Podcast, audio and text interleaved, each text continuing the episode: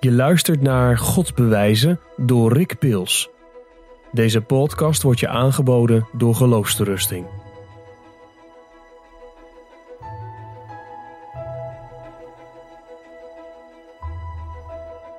In het vorige filmpje heb ik iets verteld over argumenten tegen geloven in God. Ehm, dus argumenten die zeggen of God nou bestaat of niet. Ehm, het, is, het is niet goed om in God te geloven. Er is iets mis met geloof in God. Het is irrationeel als je geen argumenten hebt. Ehm, dat was het vorige filmpje. In dit filmpje wil ik kijken naar argumenten tegen het bestaan van God.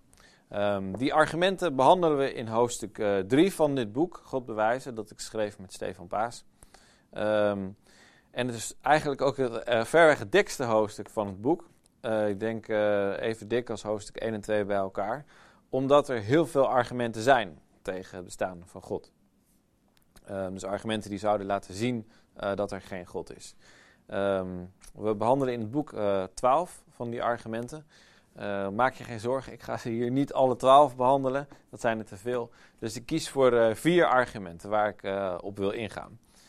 Um, wat ik over deze argumenten wil zeggen is uh, dat ik ze niet overtuigend vind. Uh, en waarom ik ze niet overtuigend vind. Um, maar ik wil er nog iets meer over vertellen. Namelijk dat ik ze wel waardevol vind. Um, ze hebben een bepaalde betekenis voor mij omdat ze me iets over God vertellen en de manier waarop ik naar God kijk. En ik denk dat ik dat in het algemeen over argumenten tegen het bestaan van God zou willen zeggen. Um, ze laten niet zien dat er uh, geen God is. Daarvoor vind ik ze niet sterk genoeg. Ik vind ze filosofisch niet overtuigend. Maar ze bevragen me wel. En ze bevragen mijn godsbeeld. En daar, daardoor zijn ze waardevol. Dus ik zou iedereen willen uitnodigen om goed naar die argumenten te kijken. Het eerste argument um, kom ik nogal eens tegen op een uh, feestje. Dan zegt iemand tegen me: Ja, jij gelooft in uh, God, je bent christen. Maar als je in Jakarta geboren was, of in Bagdad, dan was je waarschijnlijk moslim geweest. Um, en als je in Utah geboren was, dan was je waarschijnlijk mormoon geweest. En als je op een andere plek was geboren, dan had je misschien wel helemaal niet in God geloofd. Dus um, ja, wat jij gelooft is maar net afhankelijk van waar je geboren wordt en in welke omstandigheden je opgroeit. Um, het eerste wat ik over het argument wil zeggen is uh, dat het eigenlijk geen argument is tegen het bestaan van God. Zo, zo wordt het wel eens gepresenteerd, maar het is eigenlijk een argument opnieuw tegen uh, geloof in God. Want het, het, relativeert je geloof, dat is het idee van het argument. En het argument trekt, heeft wel een zekere aantrekkingskracht. Dus je denkt, ja, uh, als ik in Jakarta geboren was, had ik iets heel anders geloofd dan nu. Dus um, ja, is het wel betrouwbaar wat ik geloof. Um, ik vind het argument niet overtuigend, omdat je dit rijtje uh, kunt aanvullen en eigenlijk eindeloos kunt doorgaan. Dus ik zal een paar voorbeelden noemen. Um, uh, als ik de vrouw van Jozef Stalin was geweest, om maar een bizar voorbeeld te noemen, dan was ik waarschijnlijk communist geweest. Hetgeen ik nu overigens niet ben. Um, als ik in de 18e eeuw geboren was, dan had ik, uh, en ik was wetenschapper geweest, dan had ik het Newtoniaanse wereldbeeld aangehangen. Um, waarin alles eigenlijk ja, gebeurt door oorzaak en gevolg. Heel schematisch. Terwijl nu geloof ik in de kwantummechanica, waarbij deeltjes uh, kunnen opduiken op verschillende plekken. En het ook onvoorspelbaar is op welke plek het opduikt. Het is alleen een kwestie van waarschijnlijkheid. He, dus nu omarm ik de kwantummechanica. In de 18e eeuw had ik de Newtoniaanse mechanica omarmd. Um, en zo kun je doorgaan. Als ik in het Midden-Oosten geboren was, dan had ik misschien helemaal niet geloofd dat man en vrouw gelijke rechten hebben. En dat geldt voor alle mensen en alle overtuigingen. En zo kun je alles relativeren uh, tot in het absurde. Um, dus dit argument is volgens mij niet overtuigd omdat je dan nergens meer uh, zou kunnen geloven. Um, waar het volgens mij op aankomt is, als je iets gelooft, uh, dat je kunt uitleggen waarom je het gelooft. En dan kun je twee dingen naast elkaar zetten. Bijvoorbeeld um, de, de, het Newtoniaanse wereldbeeld en de kwantummechanica in de wetenschap. Of mannen en vrouwen hebben gelijke rechten, of ze hebben dat niet. En dan kun je met elkaar in gesprek gaan. Of ik geloof in God, of ik geloof niet in God. En waarom dan niet? Dan kun je met elkaar in gesprek gaan. En daar komt het op aan. Um, ik vind het argument uh, waardevol, omdat ik um, ja, omdat het mij bevraagt op het beeld dat ik van God heb. En het vraagt aan mij, waarom heb jij dit beeld van God en niet een ander beeld van God? En ik heb mezelf die vraag wel gesteld. En een voorbeeld uh, zal ik noemen. Dus ik merk dat ik God vaak als een man denk. de, en bijvoorbeeld in de Bijbel wordt ook het beeld van God als vader gebruikt. Um, maar um, onbewust leidt dat ertoe dat ik God als een man denk. Terwijl bijvoorbeeld in de christelijke traditie uh, over God gezegd wordt dat God uh, geen man is. God is geen man. God is ook geen vrouw. Uh, God is God. Um, man nog vrouw. En in de Bijbel worden zowel mannelijke beelden, zoals vader voor God gebruikt, als meer vrouwelijke beelden. En daarom ben ik anders tegen God aan gaan kijken. En ben ik bijvoorbeeld veel meer gaan zien van, van de schoonheid van God en de, en de liefde van God. Um, God als iemand die, die subtiel is, soms ook wat uh, ondoorgrondelijk. Um, dus ik ben anders tegen God aan gaan kijken. En dit argument heeft me daarbij geholpen. Een tweede argument is duidelijk een argument tegen het bestaan van God. En dat argument heeft te maken met gebed. Um, het argument is eigenlijk heel simpel. Het zegt, uh, de meeste mensen die in God geloven, geloven ook dat God luistert naar gebed en dat hij erop reageert. Dus laten we een experiment opzetten om te kijken of God inderdaad gebeden verhoort. Nou, hoe doen we dat? Nou, dat doen we op de wetenschappelijke manier. We creëren drie groepen, uh, grote groepen, uh, 600 mensen ongeveer. Um, hier hebben we een groep en um, nou, het zijn allemaal mensen die uh, ziek zijn. Ze, ze moeten een bypass-operatie ondergaan. En dan gaan we voor die mensen bidden, voor een deel daarvan, en dan gaan we kijken of dat gebed verschil maakt. Dus drie groepen. Eén groep voor wie we bidden, en dat, dat weten die mensen. Een tweede groep voor wie we bidden, en dat weten deze mensen niet. En een derde groep voor wie we niet bidden. En dan gaan we kijken naar de mensen voor wie gebeden wordt, eh, wordt die nou vaker beter of sneller beter. Nou, daar is onderzoek naar gedaan, dat is allemaal netjes opgezet. En wat blijkt? Um, het maakt geen substantieel verschil. Dat bleek uit het onderzoek. Dus de mensen voor wie gebeden werd, uh, die werden niet vaker of, of sneller beter dan gemiddeld. Sterker nog, de mensen voor wie gebeden werd en die wisten dat er voor hen gebeden werd, uh, die deden het ietsje minder goed dan gemiddeld. Uh, misschien een soort prestatiedruk van, oh, er wordt, nu voor mij gebeden, dus ik moet sneller beter worden. Stressreactie, ik weet het niet zo goed, maar die deden het zelfs ietsje minder dan gemiddeld. Nou, is dit een goed argument tegen het bestaan van God? Uh, dat is eigenlijk de vraag die er is. Um, volgens mij is dat niet het geval. Um, en opnieuw, dit argument vertelt ons denk ik wel iets over hoe we tegen God aankijken.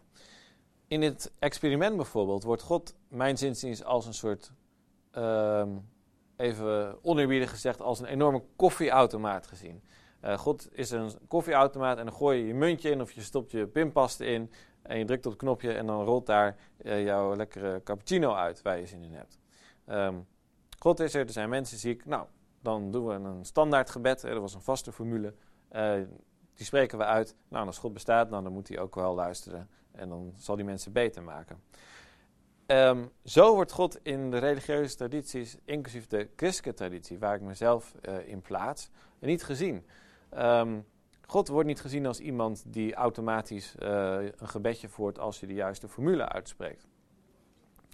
Um, een tweede probleem met dit soort experimenten is dat um, gebed dat buiten het experiment plaatsvindt helemaal niet meegenomen wordt. En dat wordt door uh, wetenschappers wel off-protocol prayer genoemd. Dus bijvoorbeeld, er zijn heel veel uh, kerken waarin elke zondag voor alle zieken gebeden wordt. En ook in dit experiment zijn er natuurlijk altijd familieleden en vrienden die ook voor deze mensen bidden. En die gebeden werden niet meegenomen in het experiment. Um, het laatste probleem dat ik wil noemen is dat helemaal niet gekeken werd naar degene die aan het bidden waren. Dus die werden willekeurig geselecteerd. Er waren zelfs mensen bij die niet eens in een persoonlijke God geloofden. Um, en die werden op één hoop gegooid en gezegd, er werd gezegd, nou, spreek dit gebed maar uit. En dan uh, nou, krijg je misschien nog wat betaald ook voor het onderzoek. Um, en opnieuw, zo, zo werkt het niet in de religieuze tradities en zo werkt het ook niet in het christelijk geloof. In het christelijk geloof, als, je, als ik de Bijbel doorlees, dan is het cruciaal hoe je je als mens uh, tot God verhoudt. Um, God eh, het is niet zo dat als ik de juiste formule uitspreek, dat God dan wel reageert. Ehm, of God reageert en hoe God reageert, heeft alles te maken met, met mijzelf. Met wat ik van God verwacht, uh, wat ik vraag, hoe ik het vraag, um, of ik het eerder gevraagd heb. Um, geloven is iets uh, wat eigenlijk iets is tussen God en mij. Dat is een persoonlijke relatie, waarin allerlei dingen een rol spelen, zoals in elke relatie tussen uh, mensen die van elkaar houden of verliefd zijn op elkaar, in vriendschappen. Dat is iets heel complex en iets heel dynamisch, waarin van alles nog wat gebeurt. En niet iets waarin, oh ja, als je maar de juiste formule uitspreekt, dan doet die ander wel uh, wat je van die persoon vraagt. Er is nog één dingetje wat ik wil noemen, uh, wat ik heel interessant vind. Um, in, dit, in dit experiment wordt eigenlijk een, een setting gecreëerd, hè, zieke mensen en gebed, waarbij gezegd wordt, nou God, we hebben hier een setting gemaakt, we hebben hier als het ware een groot lab opgezet. Um, doe maar even uw ding. Uh, reageer maar even op het gebed. Um, nou, daar geloof ik niet in, ook, ook omdat ik niet geloof dat God daarop zou moeten reageren. Uh, maar er is, is, ook een ander soort onderzoek gedaan um, de laatste jaren. Dus bijvoorbeeld Brown en Murray en Williams. En daar gaat het heel anders. Wat ze daar namelijk doen, is dat ze naar situaties toe gaan waar al gebeden wordt. Dus bijvoorbeeld, er is onderzoek gedaan in Mozambique, waar, waar bijvoorbeeld een, uh, een, school was, waar regelmatig voor mensen gebeden werd die afwijkingen hadden aan hun, aan ogen of aan hun oren. En uh, daar is gemeten of dat gebed verschil maakte voor de, eh, voor de gezondheid van deze mensen, of ze beter werden. En daar zien we een enorm verschil in hoe de mensen eraan toe zijn voordat er gebeden werd en nadat er gebeden werd. Nou, ik wil wat voorzichtig zijn hierover, want er is nog niet zoveel onderzoek naar gedaan. Maar ik zou willen zeggen, als je er onderzoek naar doet, uh, ga dan naar situaties waarin al gebed plaatsvindt. En ga niet een lab opzetten en zeg, uh, en zeg tegen God, nou, God, als u bestaat, ga maar even, kom even in het lab en, en doe even uw ding. Ik verwacht niet dat daar ooit iets uit gaat komen. Het derde argument tegen het bestaan van God, dus niet zozeer tegen geloven in God, maar tegen het bestaan van God, is het argument op basis van uh, Gods verborgenheid. In het Engels wordt het divine hiddenness genoemd. Dus God is verborgen. Nou, daarmee wordt bedoeld uh, dat er eigenlijk uh, weinig van God te zien is, weinig van God te merken is. En dit argument is ontwikkeld onder meer door de Amerikaanse filosoof uh, Jonathan Schellenberg. Die heeft het helemaal uitgewerkt. En het basisidee is, als God bestaat en, en God is goed, ja, dan, dan wil hij ook een relatie met ons, dan wil hij dat we hem kennen. dus dan zou hij er wel voor zorgen dat alle mensen iets van hem merken en dat alle mensen in God geloven. Maar kijk om je heen in de wereld er zijn heel veel mensen die niet in God geloven. Dus, uh, dus zo'n God kan er niet zijn. Zo'n God kan niet bestaan. Nou, ik denk dat dit uh, geen overtuigend argument is, maar dat het opnieuw wel iets over God laat zien. Um, ik vind het niet overtuigend omdat ik geen reden heb om te denken dat God uh, geloof als het ware ons door de strot duwt. Um, zich aan ons opdringt en zegt: Oké, hier, hier ben ik. Je kunt er niet onderuit. Ik geloof dat God een, um, en dat is ook wat bijvoorbeeld de christelijke traditie zegt, dat God een relatie wil van liefde. Een relatie, um, een wederzijdse relatie. En dat is een relatie waarin God um, iets van zichzelf laat zien, soms, maar soms ook niet. En een traditie die zegt dat je soms God moet zoeken. En dat je eigenlijk in dat proces van God zoeken, dat je allerlei dingen over jezelf ontdekt en over God ontdekt, die je misschien anders niet ontdekt zou hebben. Um, dus ik verwacht niet dat als God bestaat, dat hij dan iedereen meteen zou overtuigen van zijn bestaan. En daarom vind ik het argument niet overtuigend. Een laatste, uh, vierde laatste argument tegen het bestaan van God is denk ik het bekendste argument tegen het bestaan van God. Je komt het heel vaak tegen. Namelijk het argument op basis van al het kwaad in de wereld, het, in de wereld, het lijden in de wereld. En het argument um, heeft een paar stappen. Het zegt eigenlijk nou, als God almachtig is, uh, als hij alles kan, nou ja, dan kan hij ook het kwaad in de wereld tegenhouden. Dan kan hij, kan hij oorlogen stoppen en kan hij ziektes voorkomen. Als God volkomen goed is, dan zal hij dat ook doen, want hij wil dan niet dat mensen lijden. Um, maar wat zien we om ons heen? We zien kwaad, uh, we zien lijden, uh, we, zien, we zien mensen sterven, we zien mensen ziek zijn. Um, dus of God kan het niet, Nou, dan is God niet almachtig, dus dan bestaat God eigenlijk niet. Ehm, of hij is niet volkomen goed. Nou, en de, de christelijke traditie zegt bijvoorbeeld dat God volkomen goed is, dus dan kan er niet zo'n God zijn. Nou, dat is een heel oud argument, uh, meer, dan, meer dan 2000 jaar oud. En er is in de in religieuze tradities, in het christelijk geloof, maar ook in de islam, ehm, in het jodendom, andere tradities, is daar enorm veel over nagedacht. Ik heb een tijdje geleden kwam ik een boek tegen dat uh, meer dan 5000 uh, eh, artikelen citeerde, artikelen en boeken die hierover geschreven zijn. Dus er zijn enorm veel antwoorden op gegeven en ik ga die niet allemaal noemen. Uh, maar ik wilde wel, um, wel drie dingen wil ik wel noemen die gezegd zijn in reactie hierop. Um, het eerste is um, dat je hebt een bepaalde vorm van lijden of van kwaad nodig om bepaalde goede dingen te hebben. Dus sommige mooie en goede dingen kun je niet hebben, tenzij je ook bepaalde slechte dingen hebt. Dus dan denk ik bijvoorbeeld aan um, medelijden en troosten en uh, barmhartigheid en gerechtigheid.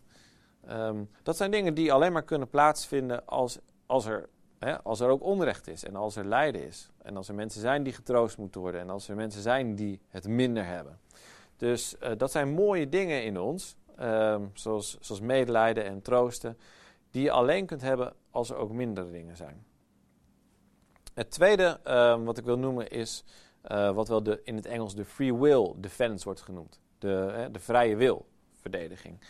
En het belangrijkste idee is dat uh, God had ons wel kunnen maken als een soort marionetten. Dus dan heb je geen kwaad in de wereld. Um, wij doen alleen maar goede dingen. Want God zorgt ervoor dat er alleen maar goede dingen plaatsvinden. Dat is één mogelijkheid. Een andere mogelijkheid is dat God zegt: Nee, ik geef jullie vrije wil. Jullie kunnen keuzes maken. En dat betekent dat jullie soms ook voor, uh, ervoor kunnen kiezen om iets slechts te doen, om iets kwaads te doen, om iemand uh, pijn te doen of om oneerlijk te zijn tegen iemand anders. Dat, dat hoort erbij als je vrije wil hebt. Dat kun je dan doen. Welke heb je liever? Kies maar. Nou, als, als ik voor mezelf mag spreken, ik heb liever dat een wereld waarin er vrije wil is en mensen er helaas voor kiezen om erge dingen te doen, dan een wereld um, waarin geen vrije wil is en je een soort marionet bent, een pop uh, die niks te zeggen heeft en alleen maar doet ja, wat toch al moet gebeuren.